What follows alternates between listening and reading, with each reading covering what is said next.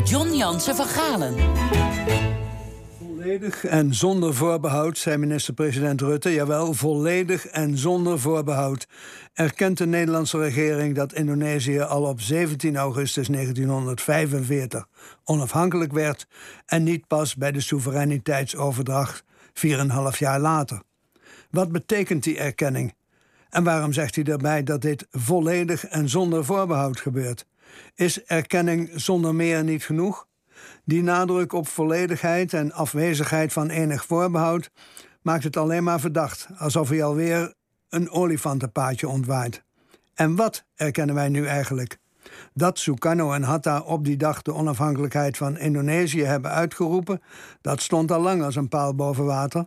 Maar hoe had Nederland daar toen op moeten reageren? Het was op die dag zelf een beetje een schamele vertoning. In de voortuin van Pegansaan Oost, Laan 56 te Jakarta, het woonhuis van Sukarno, werden hij en Hatta omstuwd en in feite gegijzeld door enige jonge mannen die hen een dag eerder ontvoerd hadden, omdat ze niet wilden dat de Indonesische onafhankelijkheid werd uitgeroepen onder auspiciën van de Japanse, Japanse bezetter, met wie het tweetal heren uitbundig had gecollaboreerd. Die onafhankelijkheidsverklaring zelf bestond uit slechts twee regels die Sukarno met een door malaria verzwakte stem voorlas. Vervolgens werd de rood-witte vlag gehesen, het volkslied Indonesia Raya gezongen en iedereen kreeg een bordje nasi kuning van Sukarno's vrouw Fatmawati. Daarna ging men flux huiswaarts. De Japanners heersten immers nog in de stad en je kon niet weten hoe die zouden reageren op deze kleine plechtigheid.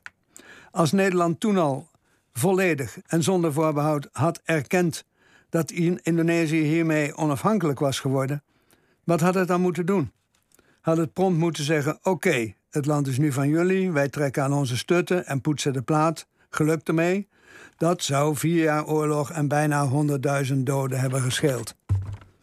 Maar toen ik er in de tijd de 100-jarige Willem Drees naar vroeg, in de jaren 40 minister-president, hief hij zijn handen en vroeg of Nederland dan soms het voorbeeld van de Britten had moeten volgen. Die poetsten inderdaad de plaats zo gauw het hen in hun koloniën de grond te heet onder de voeten werd. Ze schonken het land nog een haven of een vliegveld en namen subiet de benen. Na hun de zondvloed, letterlijk. Want in Brits-Indië brak daarop tussen Hindoes en moslims een burgeroorlog uit die geen honderdduizend, maar wel een miljoen Indiërs het leven kostte. Deed Engeland het dan zoveel beter? vroeg Drees in goed gespeelde wanhoop. Maar die vergelijking gaat mank, want zulke scherpe religieuze tegenstellingen als in India waren er in Indonesië niet. Hooguit bestond de vrees dat Java de hele archipel zou gaan overheersen, zoals ook gebeurd is. Had Nederland ogenblikkelijk de Indonesische onafhankelijkheid erkennend dan de tienduizenden landgenoten in de steek moeten laten die nog in erbarmelijke omstandigheden in kampen zaten? En de Molukkers en Papua's, wiens zelfbeschikkingsrecht wij wilden garanderen, dat is immers onmogelijk binnen een land waarvan je net de soevereiniteit hebt erkend. Geschiedenis is altijd ingewikkelder dan in simpele formules van erkenning volledig en zonder voorbehoud te vangen valt. Nederland stond in Indonesië aan de verkeerde kant van de geschiedenis, erkende minister Bot van Buitenlandse Zaken al in 2005. Maar hoe moet je op het moment zelf weten wat de verkeerde kant is? Weet je dat niet pas als de andere kant eenmaal gewonnen heeft? Dankjewel, John.